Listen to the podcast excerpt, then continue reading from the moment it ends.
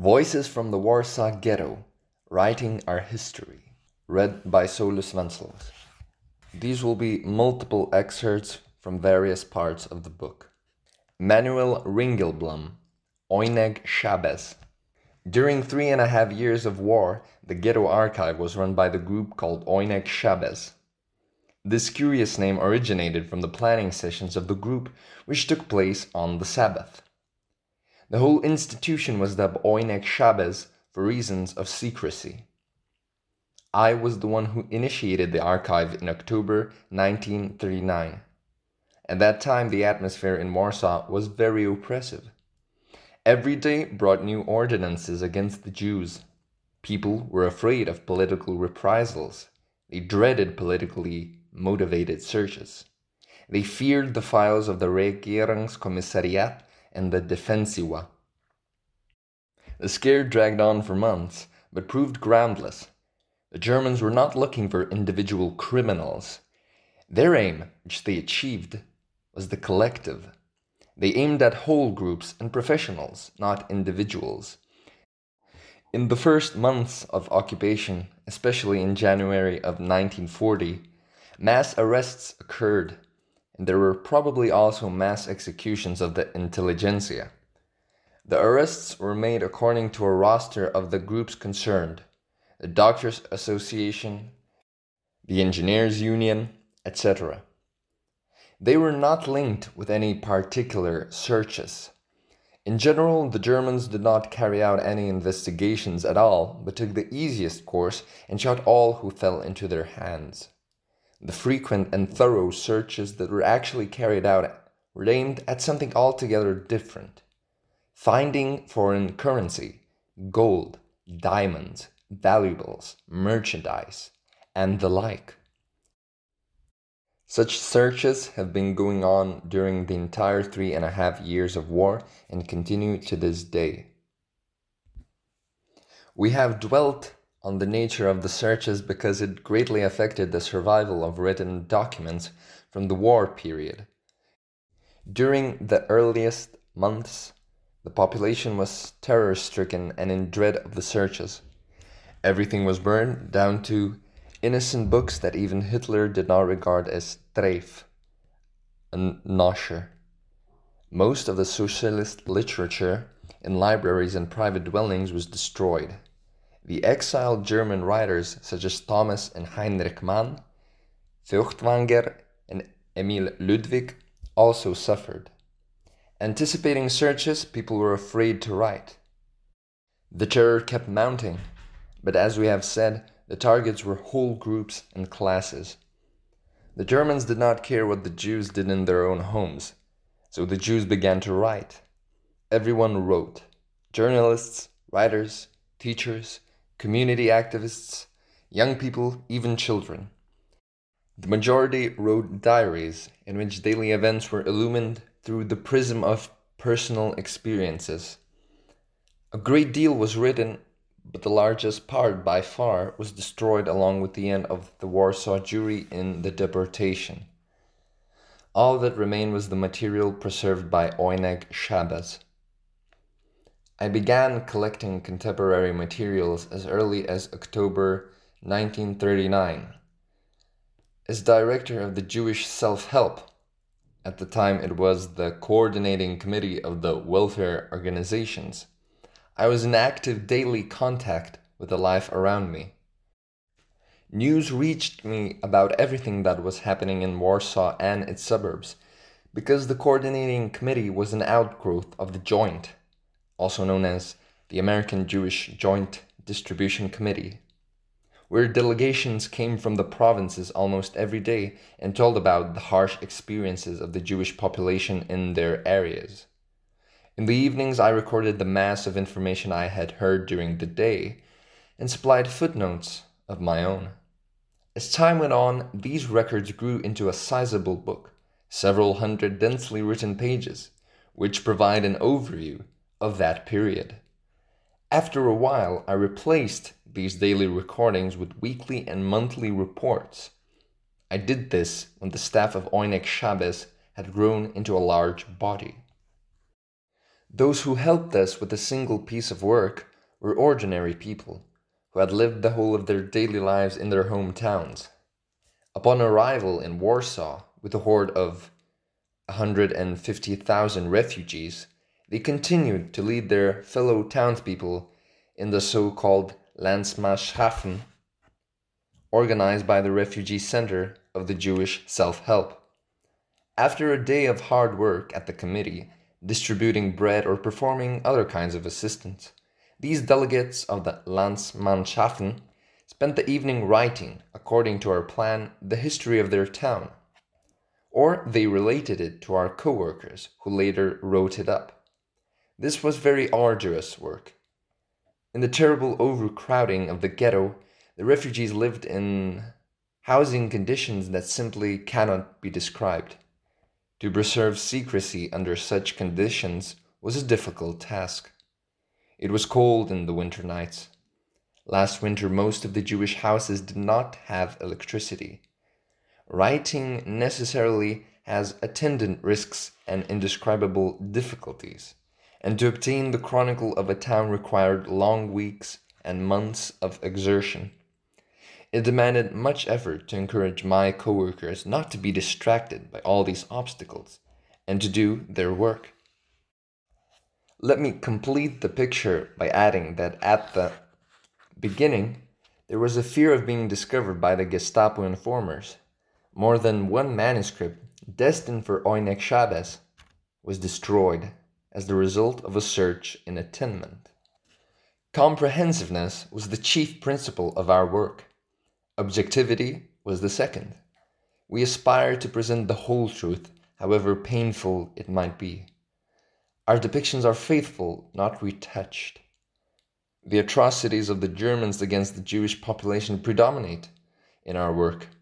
However, quite a lot of material reveals humanity on the part of the Germans. There are constant indications, both in the completed essays and in the oral reports, that we must be objective even in the case of our deadly enemies and give an objective picture of the relationship of Germans and Jews. The same can be said of Polish Jewish relations. Opinions prevail among us that anti Semitism grew significantly during the war, that the majority of Poles were glad of the misfortunes that befell the Jews in the Polish towns and cities. The attentive reader of our material will find hundreds of documents that prove the opposite. He will read in more than one report on a town how generously the Polish population behaved toward the Jewish refugees. He will encounter hundreds of examples of peasants who, for months on end, concealed and fed Jewish refugees from the surrounding towns. What sort of material is preserved in the Oyneg Shabbes archive? The most important treasures are the monographs on cities and towns, they contain the experience of a given town from the outbreak of war to the deportation and liquidation of its Jewish community. The monographs, which were written according to our outline, encompassed all aspects of life economic life, the relationship of Germans and Poles to the Jewish population, the Kehillah and its activities, social welfare, Important episodes in the life of the community, such as the arrival of the Germans, pogroms, expulsions, and acts of atrocity perpetrated during Jewish holidays, religious life, work, and matters connected with it, labor camps, the obligation to work, impressment of labor, the labor department of the Kehillah, relationship of Germans to Jews at work, etc. Apart from the comprehensive monographs, we sought accounts of single significant episodes in the various cities. We elicited the accounts from those who were involved in the episode in question directly or indirectly, as participants, witnesses, or people associated with the episode in some other way. For example, to this category belong the account of the execution of 52 Jews from Nine Nalewski after a Jewish underground hero had killed a Polish policeman, the account of the Savoy restaurant execution of seven dozen Lodz Jews, etc. The section of narratives under the heading Experiences in Prisons and Concentration Camps is a meager one, not because few Jews spend time in these places, but for the simple reason that from the very outset, as a rule, a Jew did not come out alive. Thousands of Jews were sent to Auschwitz, but not a single one returned. The one document relating to these victims is the telegram to their families, bearing the standard form message that the guilty party is dead and his property can be picked up at a specified place. I knew two people who had returned from Dachau. One of them was afraid to relate the slightest thing. The other, incidentally, a very interesting personality described by Rachel Auerbach in her diary, died of hunger. It is impossible to list all the topics covered by the work of Oyneg Shabbes. They are as numerous and variegated as our life.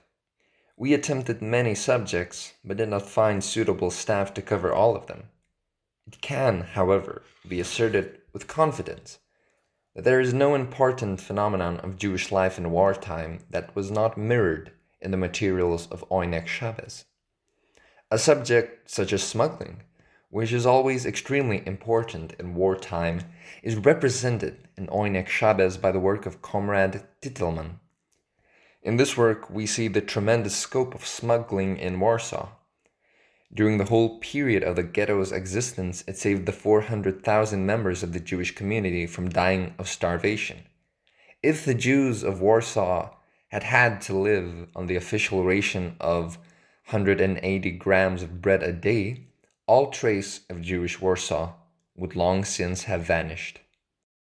Smuggling cost the loss of several Jewish lives every day, and on the eve of the deportation, a dozen or dozens of lives a day. In the liberated Poland of the future, a monument should be set up to smuggling, which, by the way, also saved the Polish population of the cities from dying of hunger. A rich area of Oyneg Shabbes was the diaries. We have already mentioned that during the present war everyone has been writing something, particularly diaries. Some wrote their diaries in a finished form, while others contented themselves with brief notes that could be written up after the war. Most of these diaries were destroyed during the deportation or because their writers were dragged off to the Umschlagplatz and the writings they left behind were destroyed along with the rest of their property. Other diary writers also, because of the continual blockades and need to relocate from one street to another, often lost the greater part of their manuscripts. It is safe to estimate that dozens, if not hundreds, of diaries were lost. For it should be remembered that only a small fraction of those who wrote diaries admitted to it. Most of them kept it a secret. The deportation, which began on July 22, 1942, marked the start of a new era in the history of the Warsaw Jews. The work of Oyneg Shabbes also changed in character. There was an interruption of several months in our activities. At a time when one was in constant danger of being caught and sent off to Treblinka there could be no question of the systematic work of collection. Only a few coworkers continued to keep their diaries during the deportation and note down their daily experiences. As soon as things settled down a bit, we started our work afresh. Emanuel Ringelblum was a Polish Jewish historian, relief worker, political activist, and organizer of the underground Oyneg Shabbes archive in the Warsaw Ghetto. Ringelblum moved to Warsaw in 1920, entering the history faculty of Warsaw University. In 1927, he completed his doctoral dissertation, The Jews of Warsaw Until 1527, which was published in 1932. That year, he began to work for the American Jewish Joint Distribution Committee, JDC, where he learned how self help could provide both economic assistance and moral support to Polish Jews fighting discrimination and pogroms. When World War II broke out, Ringelblum became a leader of the Hilfe, Jewish Social Self Help, the key relief organization in the Warsaw Ghetto, as well as the Jiddische Kulturorganisatie, IKOR, a Yiddish culture organization. Ringelblum used the Hilf to employ and support the Jewish intelligentsia and the cultural elite. Ringelblum and his wife and son were murdered by the Nazis in March 1944, along with 34 other Jews who had been hiding in an underground bunker. Władysław Szlengel Telephone With my heart broken and sick, with my thoughts on the other side, I was sitting one evening next to the telephone, and I think, let me ring someone on the other side when I am on telephone duty in the evening. And suddenly I realize, my God, there is actually no one to call. In 1939, I went on a different road. Our ways have parted. Friendships sunk to the bottom. And now, well, there is no one I can telephone. Ringelblum Archive 2 400. Translated from the Polish by John and Bogdana Carpenter. The poet, journalist, and actor Władysław Szlengel was born in Warsaw in 1914. In the 1930s, he emerged as an up and coming poet and songwriter who wrote exclusively in Polish on Jewish themes, anti Semitism, and the worsening political situation. Szlengel played a major role in the cultural life of the Warsaw Ghetto. His poetry was widely copied and declaimed. Szlengel's The Living Newspaper, parodies and satires of ghetto life, became a mainstay of the nightly shows at the Sztuka Cafe, which also featured the best singers, actors, and pianists. Szlengel was killed during the Warsaw Ghetto Uprising in May 1943. Shimon Huberband Ghetto Folklore Third part Jokes and Puns a teacher asks his pupil, Tell me, Moishe, what would you like to be if you were Hitler's son? An orphan, the pupil answers. A child who steals from others is said to be manic. An adult who steals from others is said to be kleptomaniac. A nation that steals from others is called Germaniac. 3. Winter 1939 1940 an enormous line of needy people stood in front of a welfare agency seeking assistance.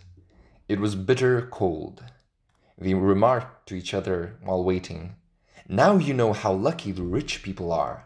They'll stand in line when it'll be warm, in the summertime. 4.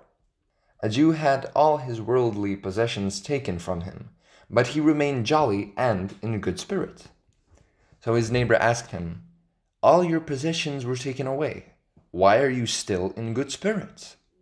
The Jew answered, My dear neighbor, they took away Czechoslovakia, Poland, Denmark, Belgium, Holland, France, and other countries. Some day they will have to return all these countries. So then they'll have to return my things too. 5. Another version of the same joke. Hitler comes to Nalewski Street in Warsaw. A Jew recognizes him and goes over to him. What's new with you, Mr. Hitler? Go away, Hitler replies. You're insane. How could it occur to you that I am Hitler? The Jew answers, You know that it's hard to fool a Jew. All right, let's say I'm Hitler, he admits. So what? What do you want from me? I want you to buy a few things from me the Jew says and presents him with a list of items he wants to sell him. I'll gladly buy a few things, but what can I do? I don't have any money. Well, if you don't have any money, I'll lend you some, Mr. Hitler. The Jew answers. How do you know that I'll give the money back to you? Hitler asks. Listen here, Mr. Hitler. You've conquered so many countries that you're going to have to give back. Are you going to steal just for my few zlotys? 6. The Fuhrer appeals to General Franco. Please give me advice, comrade. Help! Things are so bad. Franco answers, I'm sorry, but I can't help you. I can't join your pact. So Hitler says, Then give me at least some advice. Franco, stretch out a peaceful hand to England.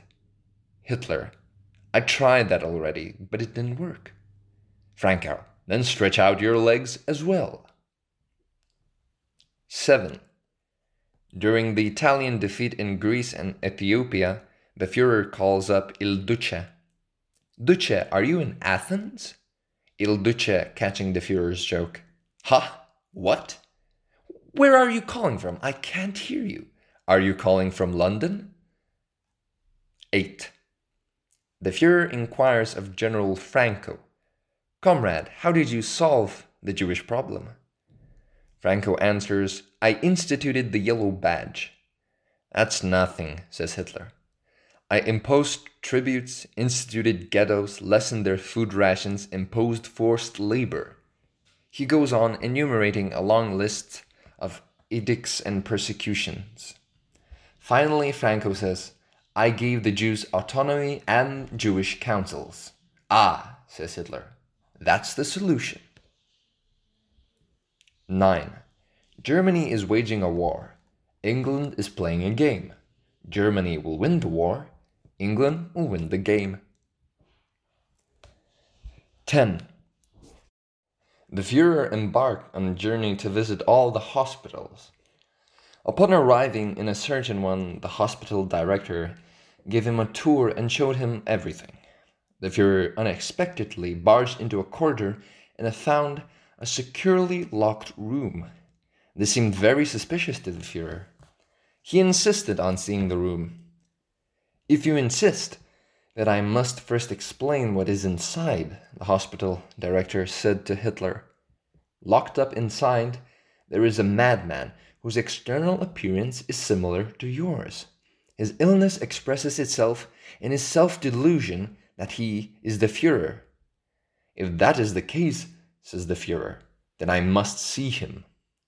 Hitler entered the room alone. After a short while, he left the room but no one is certain which one left and which one remained inside Hitler or the madman. 11.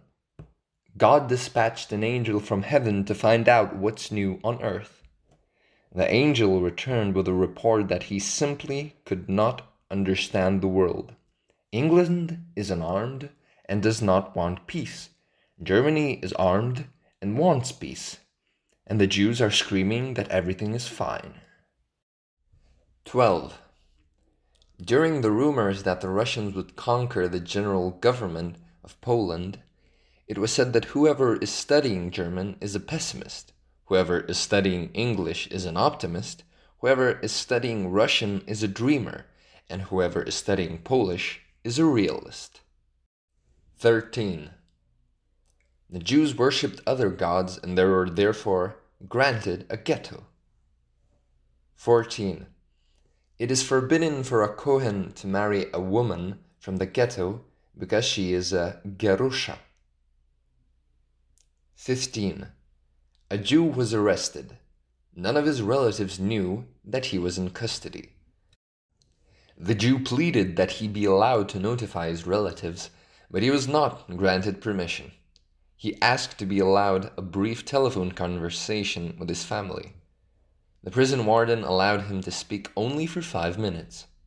The Jew agreed and had lifted the receiver when the warden told him to speak no more than one word. The Jew agreed to this condition as well. He took the receiver to his lips and screamed into it, Help! 16. A, a contemporary Jewish prayer. O Lord, help me become a chairman or vice chairman so that I can allocate funds to myself. 17. No garbage was permitted to be taken out of the ghetto. A Jewish ghetto administrator appeared before his German commissar to request permission to remove garbage accumulating in his home. When the Jew came into the Commissar's office and did not raise his arm in the Hitler salute, the Commissar became furious and threw him out of the room. A few days later, the Jewish administrator appeared a second time in the Commissar's office. The Commissar was certain that this time the Jew would salute him by raising his arm. And indeed, the, the Jew entered his room raising his arm. So the Commissar addressed the Jew. This time, Jude, you acted correctly by raising your arm in the Hitler salute. No, Mr. Commissar, the Jew answered. I just wanted to show you how high the garbage has gotten. 18. Where does Hitler feel best? In the toilet. There, all the brown masses are behind him.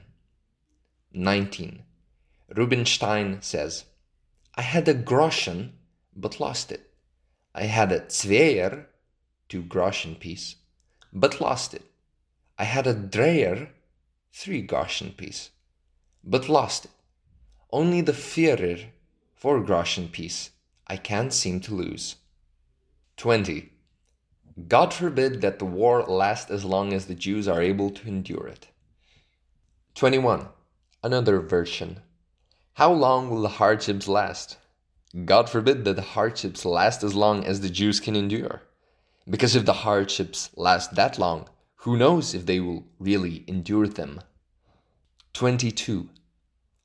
If we can endure for 21 days, and will be saved, namely, 8 days of Passover, 8 days of Sukkot, 2 days of Rosh Hashanah, 2 days of Shavuot, and 1 day of Yom Kippur. 23. We eat as if it were Yom Kippur, sleep in sukkahs, and dress as if it were Purim. 24.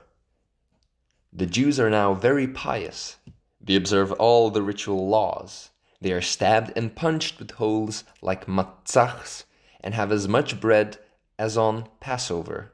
They are beaten like hoshanachs, rattle like Haman. They are as green as esrogim they fast as if it were Yom Kippur. They consume as if it were Hanukkah, and their moods are as if it were the ninth of Av. Ringelblum Archive 1 1257. Translated from the Yiddish by David E. Fishman. Shimon Huberband was born into a rabbinic family in 1909 and ordained by his grandfather. A religious Zionist, he founded the Society for Jewish Scholarship in Otwock and published widely on theological and historical topics. After his wife was killed early in World War II, he moved to Warsaw, where he remarried. Huberband became Ringelblum's most valued collaborator in the chronicling of the Warsaw Ghetto. He died in the Great Deportation in the summer of 1942.